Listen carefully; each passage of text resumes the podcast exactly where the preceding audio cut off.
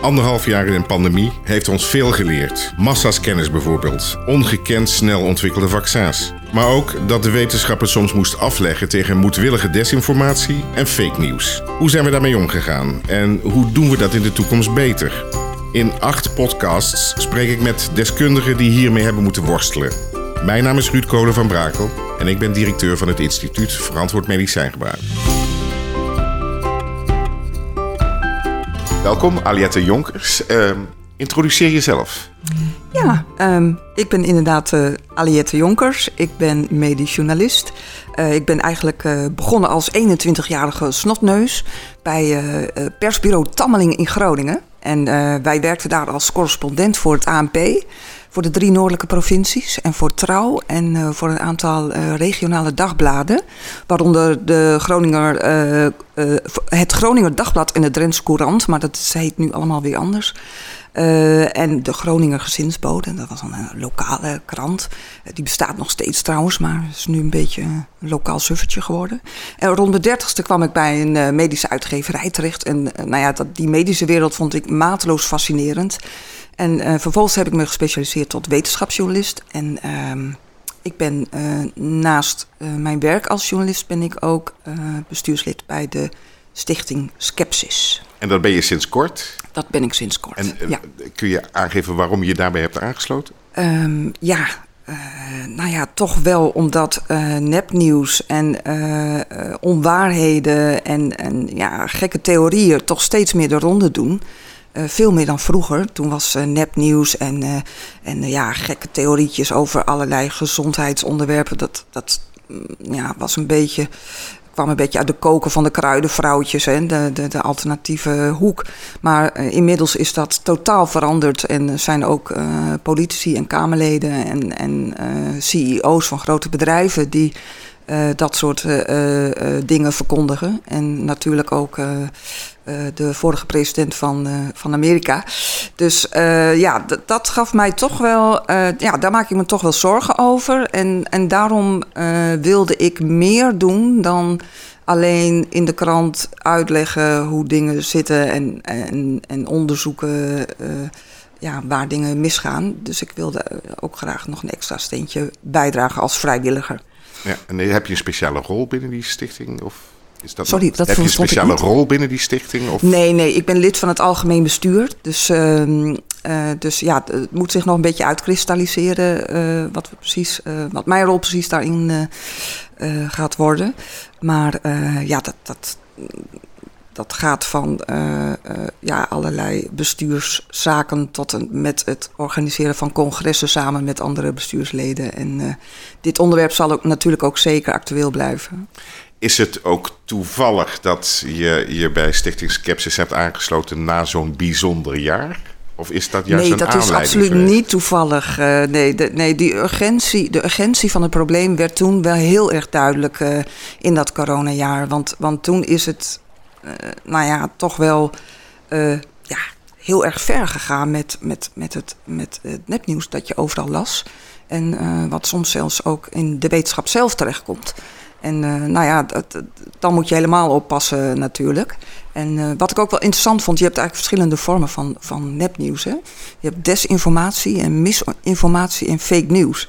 En de Amerikanen maken daar wat meer onderscheid tussen dan, uh, dan wij in Nederland. Maar als je het hebt over misinformatie, hè, uh, of foute informatie of informatie die totaal uit de context is gehaald.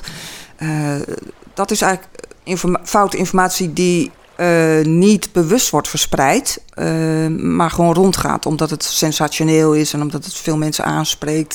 Het zijn vaak emotioneel geladen onderwerpen. Heb je voorbeelden daarvan? Nou ja, vaccinaties momenteel bijvoorbeeld hè, van, van kinderen en tieners.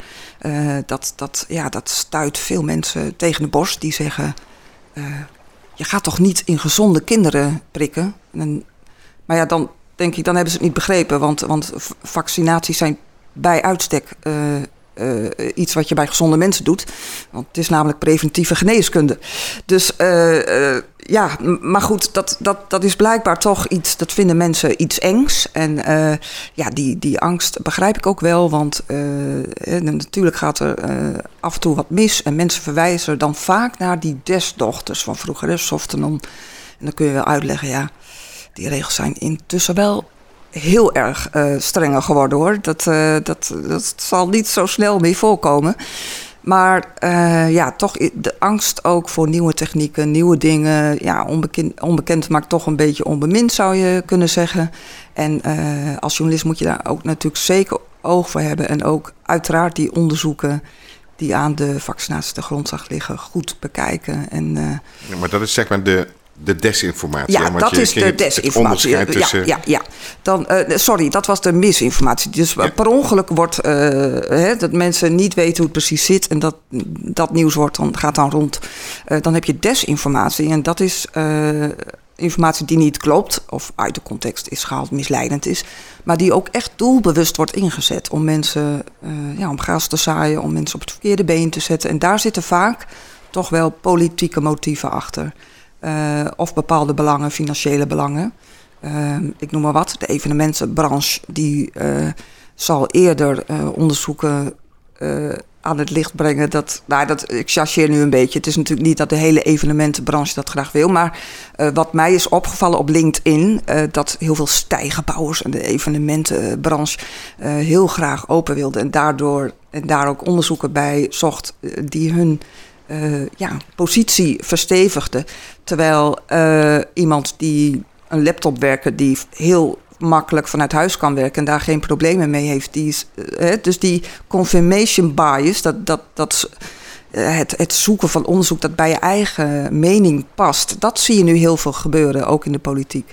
En dat is dus, als je dat echt bewust met een doel inzet, dan hebben we het over desinformatie. En dan hebben we nog. Misinformatie, desinformatie. En dan heb je ook nog fake, news. En fake news is, is ook uh, foute, onjuiste informatie die doelbewust wordt ingezet. Maar dan echt uh, uh, gegoten in de vorm van laten we zeggen, mainstream nieuwsberichten. Ik heb een hekel aan de term mainstream omdat het impliceert dat iedereen hetzelfde doet. En er een soort, uh, uh, soort algemene consensus over het nieuws is. Dat iedereen elkaar napapegaait. Dus ik heb een hekel aan die term, maar ik noem hem even ja, en, omdat... En sterker nog, dat die gecontroleerd zou zijn. Precies, dat, nou ja, dat is helemaal absurd. Ja, dan denk ik, ze moesten dus een, uh, een paar dagen meelopen. Maar... Ja, dat, dat, dus, dus dat is uh, inderdaad uh, gegoten, echt hè, met een, een kop, een inleiding, interviews, zodat het mensen denken dat het nou ja, een betrouwbaar nieuwsbericht of een betrouwbaar interview is. En ja, dat, dat, dat is natuurlijk heel lastig. kijk, voor, voor heel veel mensen is het natuurlijk wel makkelijk te doorzien. Maar er is ook een grote groep die het niet doorziet. Um, en er is ook een groep die het wel doorziet. Of die denkt, nou, het maakt me niet zo uit of het waar is of niet. Maar het past wel in mijn straatje. Ja. Um, ja. Het, roept meteen een heleboel vragen op natuurlijk. Mm -hmm. hè? En, en, misschien eerst even, wat is het meest flagrante nepnieuws wat je hebt gezien het afgelopen jaar? Um, ja, ik, ik ben eigenlijk niet zo verrast door uh, wat ik maar noem de folkloristische... Uh, uh, ja, kleine uh, theorietjes als dat je magnetisch wordt na vaccinatie of, uh, ja, um, of dat je 5G kunt neutraliseren door een foto van een 5G-mast te maken en dat naar iemand toe te sturen die dat dan in een bepaalde kubus doet. Nou ja, dus ik, ik weet niet precies uh, wat het, hoe de theorie daarachter is, maar... Of dat de uh, HEMA-worsten in vaccinvocht zijn ja, gekomen. HEMA-worsten in 5G... Nee, in vaccinvloeistof. nou ja, dat... Uh, ja, daar ben ik niet zo van onder de indruk. Want de meeste mensen snappen wel dat dat echt een beetje onzin is.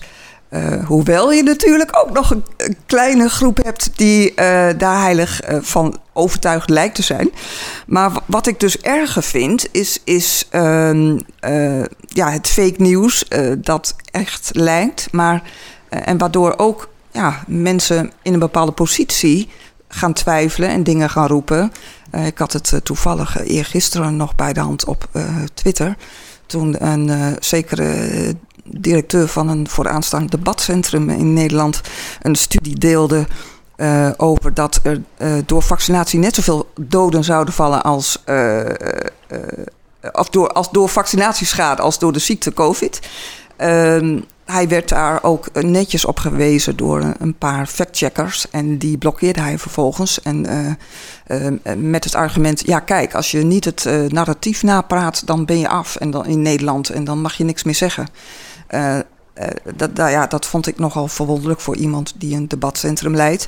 Want dan, he, dan, ja, dan wil je niet debatteren. Maar goed, dat is ook niet zijn taak als directeur. Maar daarvan afgezien, ja, en dan zeggen mensen wel tegen mij: waar maak je nou druk om? Het is maar, het is maar een directeur van een debatcentrum. Maar dan denk ik: ja, maar goed. Er zijn veel mensen die hem volgen. En het zijn ook intelligente mensen die houden van, van politiek en van kunst en cultuur. En als die ook gaan twijfelen. Uh, het is niet zo dat ik pleit voor dat je niet mag zeggen. Maar je moet wel uh, weten wat je doet, omdat het hier wel gaat om mensenlevens. Je hebt ook een verantwoordelijkheid. Hij is ook opiniemaker ja, overigens. Hè? Dus hij schuift ook aan bij allerlei uh, programma's. Ja, ja je, hebt, je hebt absoluut een verantwoordelijkheid als je publiceert. En, en daarom vind ik het heel jammer dat, dat, dat nou, ja, nou ja, politici... Kijk, van politici verwacht je het tegenwoordig al bijna. Hè? Dat, met name vanuit de rechtspopulistische hoek... Ehm, wordt er veel nepnieuws verspreid en daar wordt ook iedere keer op gewezen. Ehm, maar ja, daar lijkt het toch alsof het ze niet uitmaakt. Ik had gisteren nog Pepijn van Houwelingen van Forum voor Democratie. Die, had een, die was heel boos op het RIVM, want die wilde niet naar hun artikel kijken, een, een, een, wetenschappelijke referentie, waarin staat dat mondkapjes schadelijk zijn. En hij had een foto gemaakt van de Kamervragen en de antwoorden. En daar zag ik die studie staan. Dus ik heb gisteren direct die studie ingetikt. En wat bleek, die studie is uh, frauduleus bevonden en is teruggetrokken. Um, nou ja, de methodo uh, methodologie klopte niet, uh, de tabellen klopten niet. Uh, de, de, de hoofdauteur die zei dat hij bij Stanford University werkte, maar daar werkte hij al sinds 2016 niet meer. En, ehm, en bovendien was het artikel extern gepeer-reviewed. nou ja, met andere woorden, door vriendjes van de, van de hoofdonderzoeker.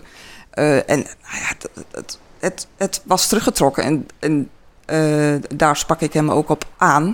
En uh, hij zei vervolgens: Ja, dat weten we, dat het uh, is teruggetrokken. Maar dat is nou juist het teken dat de wetenschap ook vervuild is door cens censuur. En dat je daar ook alleen maar datzelfde verhaal mag vertellen. Ja, dat is Iedereen is verdacht. is pertinent onjuist natuurlijk, want dit, dat is gewoon hoe wetenschap werkt. Uh, het is niet de waarheid, maar een zoektocht naar de waarheid. Dat vergeten mensen wel eens. En, uh, en uh, het is zelf corrigerend. Hè? Als, als mensen kunnen bewijzen dat dit klopt gewoon niet, dan wordt het gewoon teruggetrokken. En er gaat best wel. Het, het is waar, er, ga, er gaan dingen mis in de wetenschap, zoals in ieder vak. Dat moet je ook niet, je moet ook niet heilig over gaan doen. Je hebt ook tweets van, van mensen die zeggen: hoera, en voor de wetenschap, de helden en zo. nou, dat vind ik ook weer een beetje overdreven. Denk, die mensen doen ook gewoon hun werk en krijgen salaris. En dat is prachtig werk en het is fijn dat ze er zijn. Maar je moet ze wel kritisch volgen, maar ook niet uitroepen tot helden. Dus, dus voortdurend die. Het is voortdurend, eigenlijk vind ik ook mijn werk, balanceren tussen. Uh Nou ja, je moet bedacht op alles zijn eigenlijk. Nu is afgelopen jaar natuurlijk wel een heel bijzonder jaar geweest. Ja. Heb je heb je um, de hoeveelheid misinformatie, desinformatie, fake nieuws zien exploderen de afgelopen jaar? Ja, absoluut. Ja, ja zeker. Ja. En, en op alle, alle terreinen eigenlijk. Hè. Uh, want wat, je ziet dat, dat het vertrouwen in instituties, in, in het RIVM bijvoorbeeld en de overheid, uh, uh, wetenschap, ja, dat, dat, uh, ja, er zijn ook weer onderzoeken trouwens die zeggen dat het vertrouwen bijvoorbeeld in de journalistiek en de wetenschap onveranderd hoog is. Maar uh, dan denk ik, ja, het is maar net hoe je de vraag stelt. Uh, heb je vertrouwen in wetenschap als geheel? Dan zeggen mensen vaak ja. Maar heb je vertrouwen in wetenschappers? Dan zeggen mensen vaak nou. Dat weet ik nog net zo niet. dus, dus ja, de, de, de, uitslagen van die onderzoeken bekijk ik dan ook weer met een korreltje zout. Maar je ziet, je ziet gewoon dat het vertrouwen overal uh, toch wel een knauw heeft gekregen. En soms is dat ook terecht, hè? Want nou, kijk alleen maar naar de toeslagenaffaire bijvoorbeeld. Uh, die, ja, dat is ook heel erg dat dat is gebeurd. En het dat, is ook, denk ik, heel erg goed dat instituties, de wetenschap, de politiek, de journalistiek kritisch gevolgd wordt. Absoluut, absoluut. Dat hoort ook. Ja, ja, ja. Dat is natuurlijk dus nog iets anders dan in de plaats daarvan ja. allerlei informatie gaan verspreiden die, die niet deugt of bewust misleidend is. Ja. Ja. En ehm, het afgelopen jaar is mij in ieder geval opgevallen dat ehm, niet alleen dit komt vanuit de, de, de groepen waarvan je het verwachtte. Mm hè, er zijn natuurlijk al heel lang antivaccinatiegroepen. Precies. En dat die ook tegen vaccinaties zouden zijn die, uh, die voor COVID-19 bedoeld zijn, dat is te verwachten. Mm Maar mij is opgevallen dat ook vanuit artsenhoek bijvoorbeeld. Uh, mensen zich aan het verzamelen zijn. Ja. Of vanuit andere wetenschapshoeken. Veel emeritus hoogleraren die nog een laatste moment uh, van fame willen, willen hebben, blijkbaar. Ja. Is, ja. is jou dat ook opgevallen? Ja, absoluut. Ja, sterker nog, ik uh, dus aangifte tegen mij gedaan door een medisch specialist. Die helemaal in de complothoek is beland. hij, hij deed aangifte tegen mij voor belediging. Uh, wat heel ironisch is, aangezien de man mij al drie kwart jaar uh, bleef stolken en lastigvallen. Uh, dus dat, op een gegeven moment heb ik gezegd: laat me met rust. Neem geen contact meer op. Ik wil gewoon mijn werk doen. En ik stop met het, met het proberen te besmeuren van mijn reputatie. Ehm, maar goed, dat, uh, uh, hij heeft aangifte tegen mij gedaan. En uh, die aangifte is, zoals verwacht, natuurlijk geseponeerd door het OM.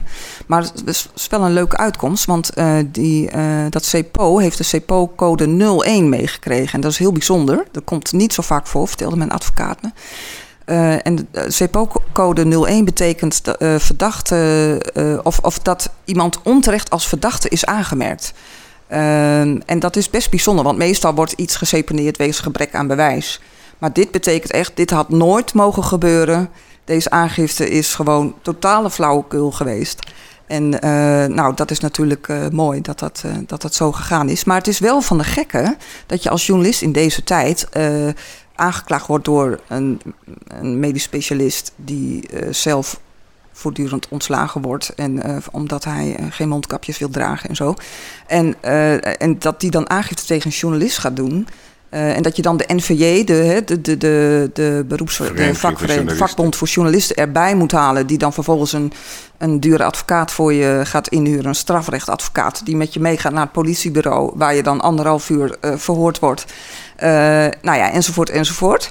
Uh, je moet natuurlijk ook heel veel uh, bewijzen verzamelen en, en dat soort dingen in je verweer.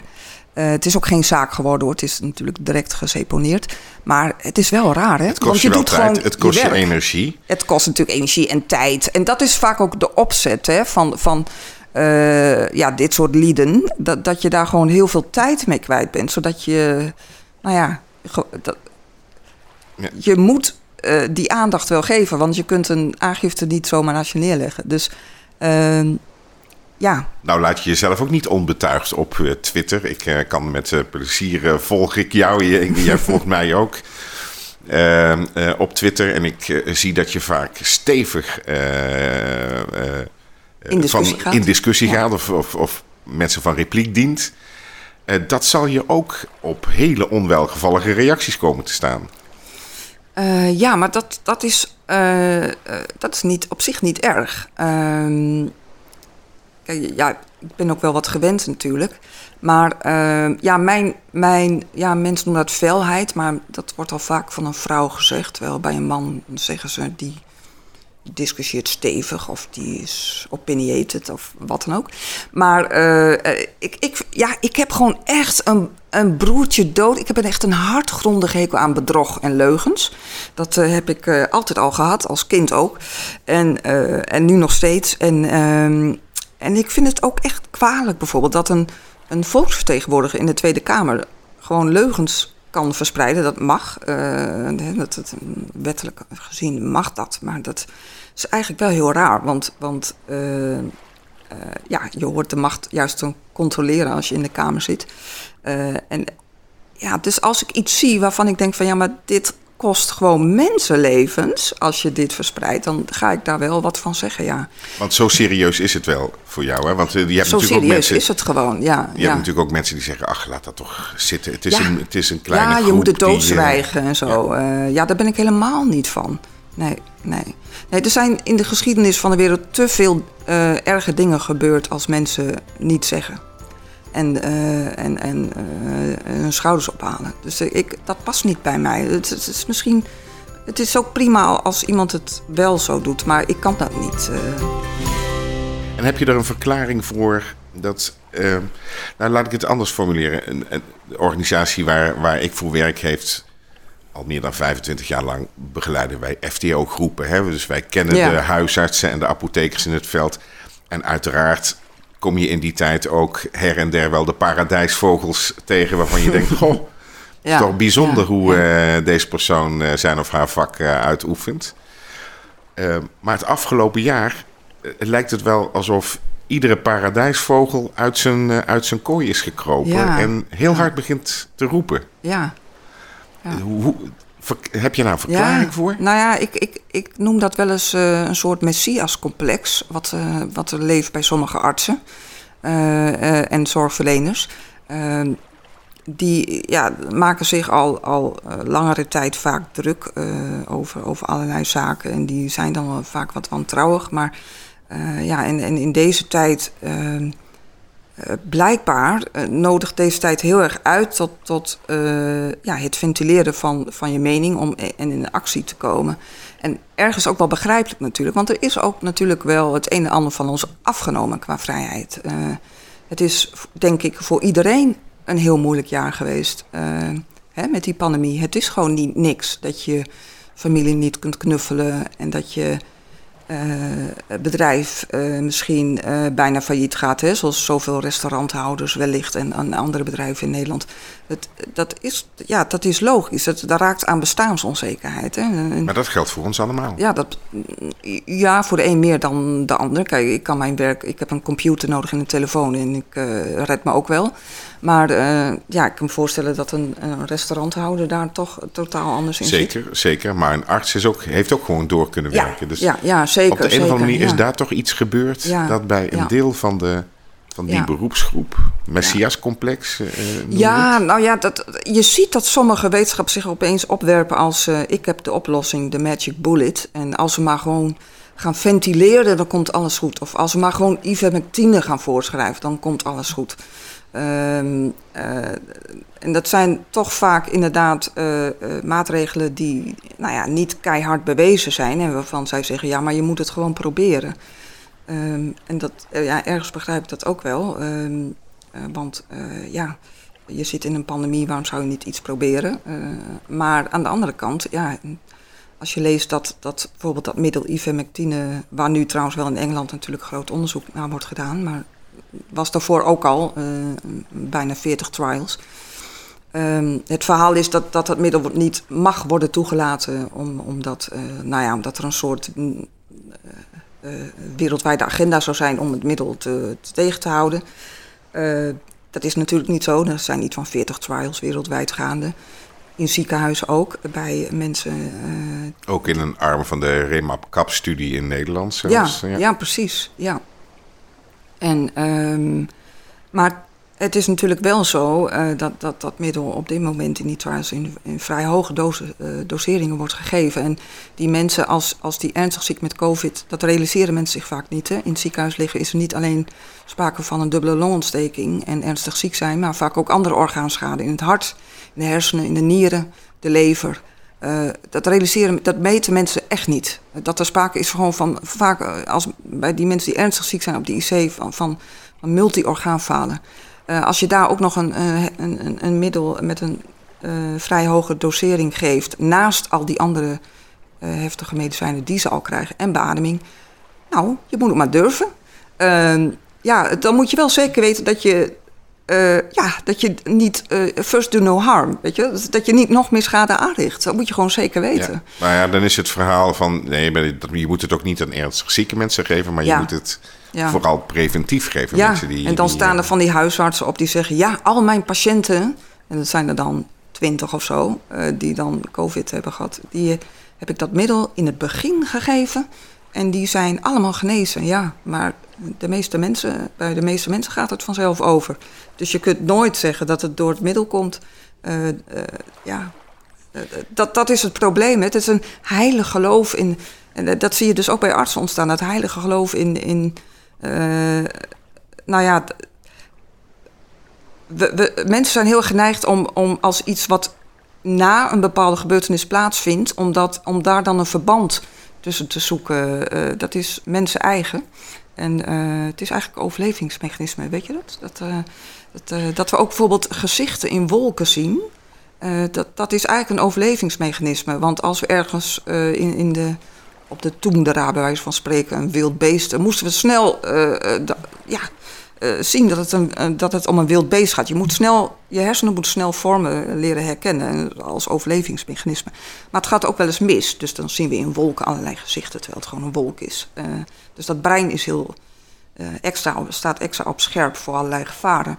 maar zo gaat het natuurlijk, andersom werkt het natuurlijk ook zo. Dus we hebben heel veel neiging om als iemand een hartinfarct krijgt, twee weken na een vaccinatie, zal iemand misschien snel denken, zou er een verband zijn met vaccinatie? Wat je nu heel veel hoort is dat mensen zeggen, ja, ik ken vier mensen die uh, darmkanker hebben gekregen. Het zijn er ook altijd vier. Altijd dat, vier. Ja, ik heb dat dus uitgezocht. Ja, ik heb dat, uh, ik, ik, heb op, uh, ik heb dat op Twitter een zoekquery in getoetst. En het zijn heel vaak vier mensen. Dus dat is al statistisch een beetje ongeloofwaardig. Al die mensen, vier mensen kennen die dat is overkomen. Maar in dit geval waren het ook nog vier mensen met darmkanker na vaccinatie. En, ehm, en daaraan zie je al dat ja, dat kan niet. Want een de tijd dat een, nou ja, dat weet jij net zo goed als ik, de tijd dat een darmpoliep nodig heeft om uit te groeien tot tumor is gemiddeld 10 jaar. Dus dat bestaat niet. Dat, ja, ik moet er een beetje op lachen. Dat is eigenlijk natuurlijk vrij uh, triest. Uh, maar uh, dat het twee weken na vaccinatie, dat er opeens op magische wijze een, een, een, een, kwartaardig gezwel is ontstaan. Maar goed. Maar er is een, de, het lijkt ook wel een dubbele beweging aan de hand. Want enerzijds lijkt het alsof er allerlei nieuwe verklaringen uh, mm -hmm. worden gezocht. Ja. Uh, voor zaken die, die, die het lijkt uit, uit de lucht komen vallen. En anderzijds is het de wetenschappelijke verklaringen worden ook moedwillig aan de kant geschoven. Dus het, het blijft ja. ook dan in een bepaalde richting uh, zich bewegen. Ja, dat, dat, daar verbaas ik me ook over. Dat als je zegt van, uh, kijk, uh, dit is het bewijs dat vaccinaties werken, ik noem maar wat, hè. Dan zeggen ze, ja, maar uh, Dietrich Stapel, die was ook fout. En uh, fraude in de wetenschap, bla, bla, bla. Hè, dan, dan, dan wordt dat argument, vaak gebruikt van dat het wel niet kosher zal zijn. Maar als ze dan zelf met een onderzoek komen en je zegt, ja, maar kijk, dit uh, dit onderzoek is teruggetrokken. Want er staan allemaal methodologische uh, fouten in. En, en bovendien is de hoofdauteur een fraudeur, want die werkt al vijf jaar niet meer bij deze universiteit. Dan zegt ze: ja, censuur. Die man had gelijk, maar is dat is gewoon een roepende in de woestijn. doodgemaakt. Ja, en, dan, dat, ja, dus het is, je kunt het nooit winnen. Dat is ook nog weer. Hè. Nee, dat is ook het. het, het, het ja, je probeert ook, ook te begrijpen hoe de redeneringen werken. Dat ja. lukt mij ook vaak niet ja, hoor. Ja. Nou ja, dan, daarom is het eigenlijk een geloof. Want, want het, ze gebruiken wel grafieken, tabellen en wetenschappelijke referenties om een gelijk aan te tonen. Maar uh, als je dan echt op, op die specifieke inhoud ingaat uh, dan, uh, ja, dan is het opeens, ja, dan worden dus, dus argumenten gebruikt als ja, maar uh, fraude of, of, of ja, deze wetenschapper heeft gelijk, maar is monddood gemaakt. En, nee, maar het is ook dat dezelfde argumenten ja, een andere ja, rol spelen. Precies, hè? precies. Dat bij, je noemde ivermectine, ja. dat is experimenteel, maar dat moet je, moet je maar toelaten. Ja, precies. Maar die vaccins die mag je niet doen, want die zijn experimenteel. Ja, dat is een goed voorbeeld. Dat is een heel ja. bijzondere redenering. Ja, heel dubbel, ja. Ja, ja dat, dat, is, dat, is, uh, dat is heel bijzonder inderdaad. Steeds diezelfde. Maar daaraan zie je ook dat, dat de ratio geen vat heeft op, op die mensen. Dus ze zoeken voortdurend... Uh, maar is ook niet zo raar, hè? Want, want op internet, die, die algoritmes, die passen zich gewoon aan aan jouw zoekgedrag. Hè? Dus als je eenmaal in die bubbel zit, uh, van, van, dat je dat soort dingen gaat geloven, Facebook en YouTube, ga je die dingen voortdurend voorschotelen. Hè, bekijk ook dit. Uh, je ja, krijgt was het de fabeltjesfuik, of uh, hoe werd het genoemd? Ja. Dat je, dat je eenmaal, als je eenmaal aan het zoeken bent, ja. maar dat je alleen maar bevestigd wordt in je eigen word je ideeën. bevestigd en, en, je gaat natuurlijk ook praten met mensen en, en in Facebookgroepen zitten. en, en zo gaat het balletje steeds verder aan het rollen. Wat, wat zou daaraan moeten gebeuren? Ja, Kun je daar iets aan doen? Ja, kijk, ja, Facebook en dat soort bedrijven zeggen wel van we, doen er iets aan, maar ja het is natuurlijk helemaal niet in hun belang om echt, uh, nou ja, om daar echt uh, regels voor te stellen. Dus die grote bedrijven, ja, die willen natuurlijk ook maar één ding en dat is geld verdienen. Maar ja, dan nog, wat kunnen we er wel aan doen? Ja, wat kunnen we dan doen? Toch hardnekkig doorgaan met, met uitleggen. En, maar ja, het is wel heel lastig, want, want je ziet het begon eigenlijk een beetje met Trump, hè, of, of tenminste dat het zo begon te escaleren. En toen zei iedereen, ja, maar dat gebeurt niet in Nederland. Die, die QAnon-theorieën en, en, die, die hele extreme complottheorieën, dat, dat, daar is Nederland te nuchter voor. Maar je, je ziet dus dat, dat dat niet zo is. nou, ik hoest. ik heb een kriebeltje. Ja, was, ik heb geen. Uh, er was gewoon een kortstondig kriebeltje. Um, ja, eh, kunnen we weer? Um, je zei van. Met Trump is het begonnen. Ja, ja, ja, precies. Dat, dat, daar zie je dus aan dat die, die, extreme theorieën uh, steeds meer verspreid worden. En, um, uh, en mensen zeiden dan: ja, maar dat gebeurt in Nederland niet. Wij zijn zo'n nuchter land.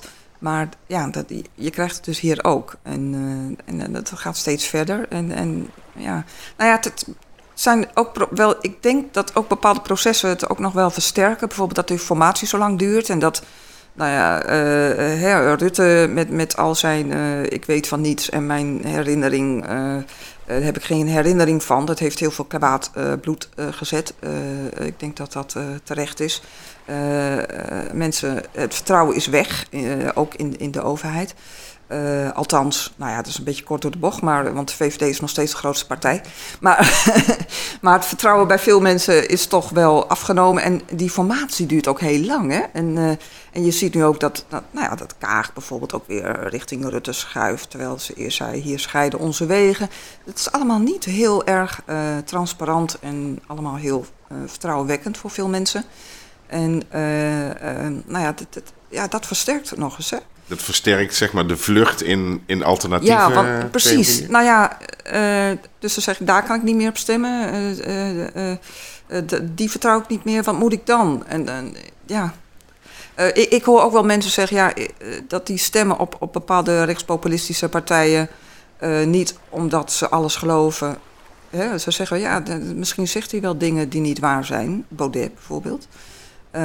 maar uh, ik vind het bijvoorbeeld heel erg, het zijn mijn eigen nicht bijvoorbeeld. Ik vind het heel erg dat Hugo de Jonge heeft gezegd dat, je, dat mensen wel frikandellen eten en, dan geen, uh, en, en, en uh, wel bang zijn voor vaccinaties. Nou, dat vond ze echt onvergeeflijk, zo'n opmerking. Dus dat, maar dat, ja, dat vind ik ook wel weer opmerkelijk hoor. Want ik denk dus, dus iemand die dat zegt, is dan erger dan iemand die keihard liegt en, en, en, en nepnieuws verspreidt. Uh, maar goed, dat, het is wonderlijk de vraag is natuurlijk allemaal hoe erg is het? Hè? Dat is een vraag die ik overigens mezelf ook steeds stel. Mm want je zit natuurlijk ook met een balans tussen... Er is een vrijheid van meningsuiting. En je wil ook debat hebben. En tegenstrijdige geluiden, die moeten ook gehoord worden. Mm -hmm. Nou, wat in de media vaak misgaat, als ik het bij mijn eigen vak houd... is uh, dat dat andere geluid dan vaak uitgenodigd wordt... Uh, om voor de microfoon uh, een verhaal te vertellen. Ik noem bijvoorbeeld een Willem Engel... Um, maar uh, ja, en, en mediamensen, sommige mediamensen, sommige radiomensen, je ziet met name bij radio en tv, hebben heel erg de neiging, ja, we moeten ook het andere geluid laten horen. En dan denken ze aan uh, gebalanceerde verslaggeving te doen. Maar wat, wat, het eigenlijk is, is false balance. Want je zet namelijk twee mensen tegenover elkaar. Um, maar je presenteert die twee mensen aan het publiek als gelijkwaardig. Terwijl het geen gelijkwaardige positie is.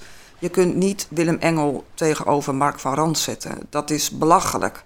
je laat ook niet uh, Ajax uh, uh, een voetbalwedstrijd spelen tegen FC uh, Tjitjek, of zo.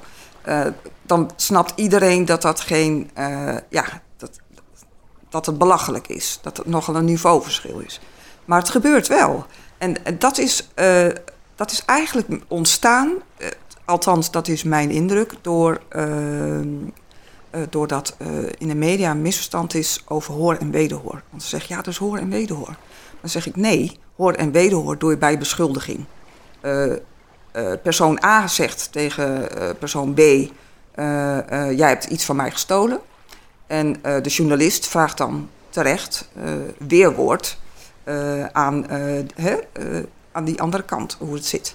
Dus mhm. aan beide kanten. Dat doe je bij een beschuldiging. Of een, of een fabriek die loost gif in het uh, grondwater. Dan gaat de journalist terecht. Uh, gaat niet alleen luisteren naar alle ouders die boos zijn omdat hun kind ziek is, ik noem maar wat, hè, zij staat. Maar je gaat ook naar de fabriek en zegt: hoe zit dit? Dat is hoor en wederhoor. Dat doe je bij beschuldiging. Maar hoor en wederhoor is niet een Willem Engel uitnodiging in je praatprogramma. Dat, dat, dat is dus false balance. En dat zie je heel veel gebeuren toch wel in de media. Verwijt je dat ook journalisten? Ja, ja absoluut. Ik vind het echt, uh, dan, dan, dan ben je niet, uh, dan, dan snap je je eigen vak gewoon niet zo goed. Uh, dat zijn een beetje harde woorden, besef ik, maar ik meen het toch wel en ik sta er wel achter. Uh, ik, ik vind echt dat, dat journalisten te veel zich laten leiden door dit creëert ophef. Uh, dit uh, wordt lekker verspreid op Facebook. Dit is een fijne quote die we eruit kunnen halen en op Twitter kunnen zetten. nou ja, uiteindelijk, ja, dus, dus luistercijfers, kijkcijfers, kliks. nou, ik snap, ik snap wel wat je zegt. Ik, ik verbaas me daar ook over. Ja, want dat is um, niet onze core business. Journalisten nee, zijn niet verantwoordelijk voor de inkomsten van hun krant. Zij moeten zich gewoon bezighouden met de inhoud. En, en uh, ik vind het ook al een schande dat sommige journalisten uh, SEO-vriendelijk moeten schrijven. Dan, dan, kan Google je beter vinden. En dan denk ik, ja, dat, dat, uh, ja, dat is toch raar? Ja, ik, ik, kijk, heel veel journalisten zie ik tegenwoordig, zeker in, in debatprogramma's, die zich veel meer als facilitator van een gesprek ja, inderdaad, uh, gedragen dan dat ze zich als journalist gedragen. Ik denk als de ene persoon zegt het regent buiten en de andere zegt het is droog, dan is het ook jouw taak als journalist om naar buiten te kijken en te zeggen: Nou, het spijt me dat jij zegt dat het droog is, maar ik zie toch echt die druppels naar beneden komen. Absoluut. Maar dat moet je ook bij wetenschappers doen. Hè? Dat is, dus, dus, dus, wat dat betreft is er is niemand, gaat niemand vrij uit. Je moet het bij beide kanten doen. En als je, ik vind ook dat als je als journalist over wetenschap rapporteert, lees de studies. Uh, je kunt niet gewoon expert A en expert B, die, die alle twee. Uh, hè, als je wel al, uh, twee doorgewinterde vooraanstaande wetenschappers hebt, vragen stellen en kritisch vragen stellen. Dat kun je niet doen zonder de, de studies erachter ook te lezen. Uh, anders kun je toch geen artikel schrijven. Ik, nou ja, om een voorbeeld te noemen. Ik zag ook een keer op een uh, bekende nieuwssite een groot artikel staan over uh, statines. Ehm, in dat artikel werd het nut van statines betwijfeld. of eigenlijk ging het hele artikel erover dat die cholesterolverlagers onzin zijn. En dat, dat werd ook door allerlei artsen werd gezegd van kijk, er is geen bewijs voor. Maar wat die journalist, je zag dus heel duidelijk dat die journalist geen onderscheid had gemaakt tussen primaire preventie en secundaire preventie. Dus had geen onderscheid gemaakt tussen mensen die nog nooit een hartinfarct eh, of een beroerte of een TIA hadden gehad. Uh, en daarvoor cholesterolverlagers. Dus die mensen hadden hè, bijvoorbeeld alleen een hoog cholesterolgehalte. Of mensen die al wel daadwerkelijk een hartinfarct of een beroerte of een andere hart, hartvaatziekte. Uh, voor die tweede groep zijn die medicijnen ontzettend belangrijk. Dat is ook gewoon, dat is, daar is gewoon hard wetenschappelijk bewijs voor. En je zult ook geen enkele cardioloog in Nederland uh, vinden die, uh, die dat tegenspreekt. Uh, dat je hè, voor, die, voor die secundaire preventie.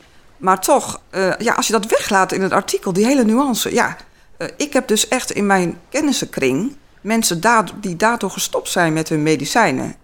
En ja, dus daar komt ook weer die verantwoordelijkheid van die journalist naar. Hè? Als je niet goed genoeg bent, uh, als je niet nascholt of niet goed genoeg over dit onderwerp kunt schrijven, doe het dan niet. Mhm. Het kost namelijk soms echt levens.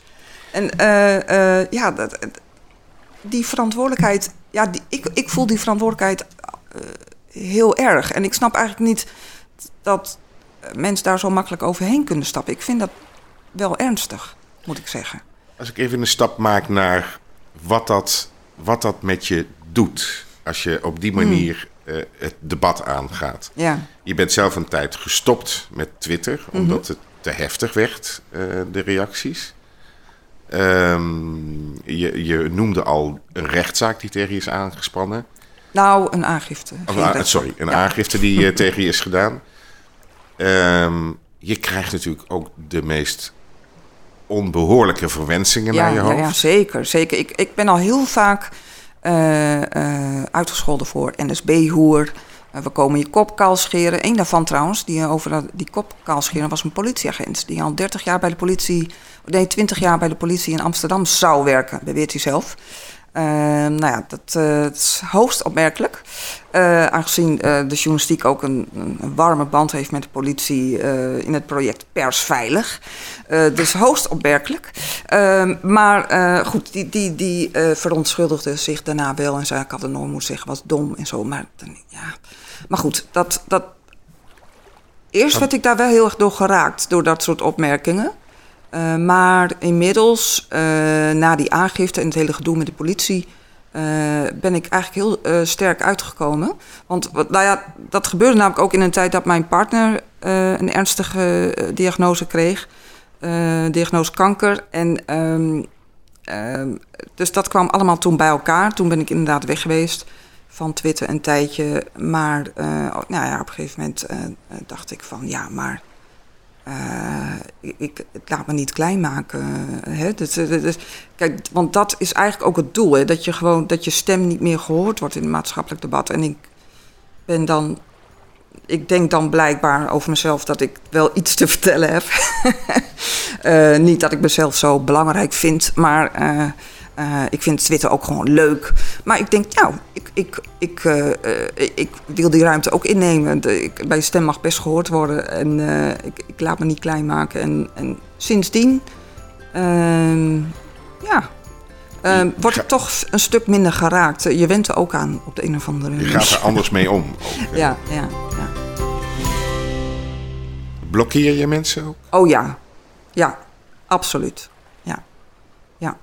Er zijn uh, journalisten die dat nooit doen, maar dan, uh, dan maak je het niet beter. Dan, uh, want uh, als jij ze niet blokt, dan doen ze het bij andere mensen.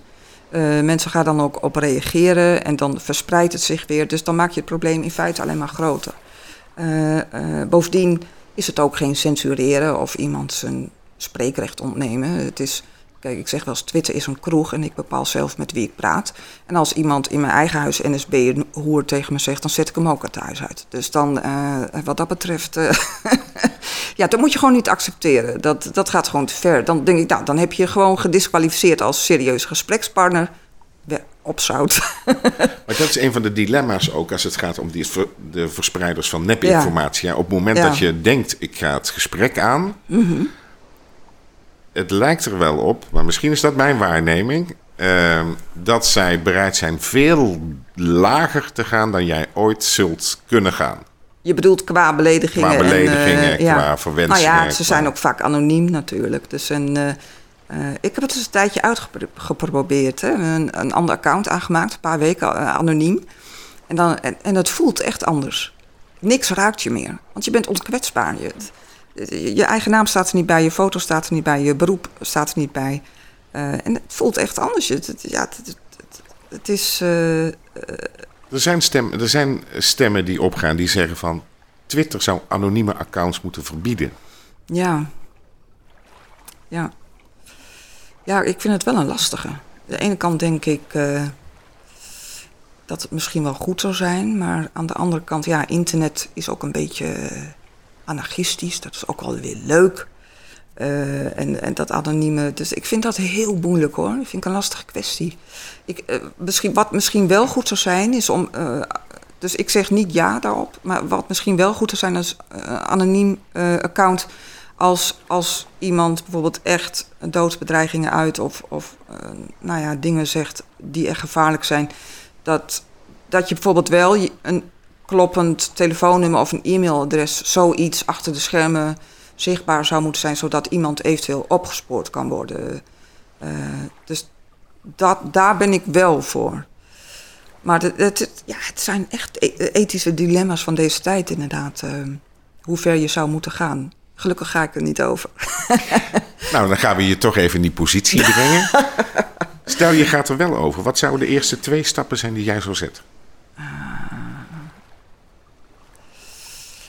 Nou ja, dat dus inderdaad, die, die, eh, dat er wel achter de schermen iets duidelijk moet zijn. eh, dat, dat, dat je te traceren bent door de politie.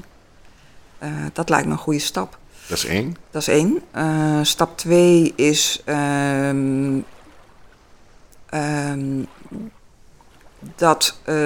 nou, nu moet ik denken aan een webinar wat ik laatst gevolgd heb over wetenschappers die bedreigd worden. Eh, die hebben daar natuurlijk ook heel veel last van. Eh, nou ja, niet als je, zoals Leo Lucassen in die uitzending eh, zei, een duizend poten bestudeert. Dan heb je er niet veel last van. Maar wel als je, als je vaccinaties onderzoekt of epidemioloog bent of, nou ja, je weet precies waar de gevoeligheden liggen of genderspecifieke kwesties onderzoekt, dan... Klimaat. ja, klimaat natuurlijk. Ja, ja dat, is, helemaal erg ook. Eh, ja, dan, dan hebben de wetenschappers daar uiteraard wel heel veel last van. Het wordt ook steeds erger en steeds, steeds heftiger. De bedreigingen worden ook steeds heftiger. Ehm, toen zei iemand, eh, eh, en dat was volgens mij de oud-president van de, de Koninklijke Nederlandse Academie van Wetenschappen.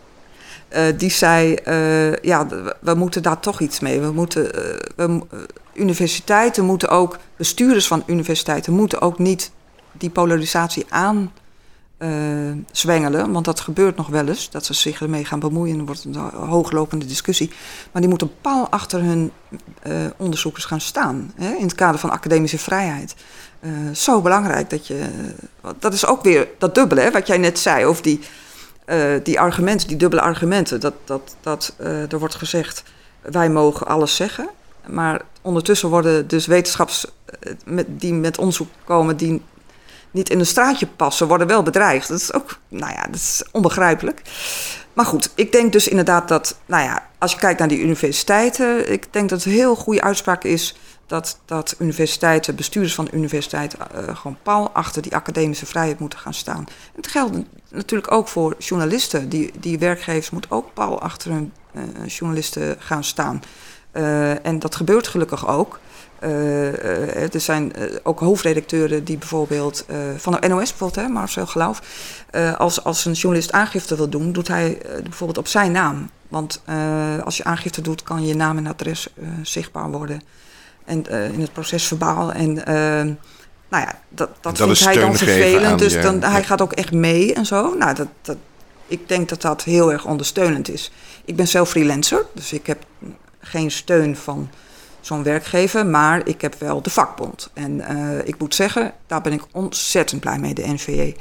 Eh, dat je dus, ja, freelancers kunnen dus ook wel degelijk steun ontvangen en, eh, en een advocaat toegewezen krijgen en, en zonder extra kosten. En eh, nou ja, dat is dus ook fantastisch. Dus die steun moet er gewoon heel duidelijk zijn. eh. en, en dat moet natuurlijk in alle lagen van bij iedereen die bedreigd wordt. Want ja, het is ook natuurlijk gek om journalisten en wetenschappers een soort speciale groep te maken. Dat alleen zij die, die bescherming krijgen. Maar eh, Uiteraard, kijk, leraren uiteraard.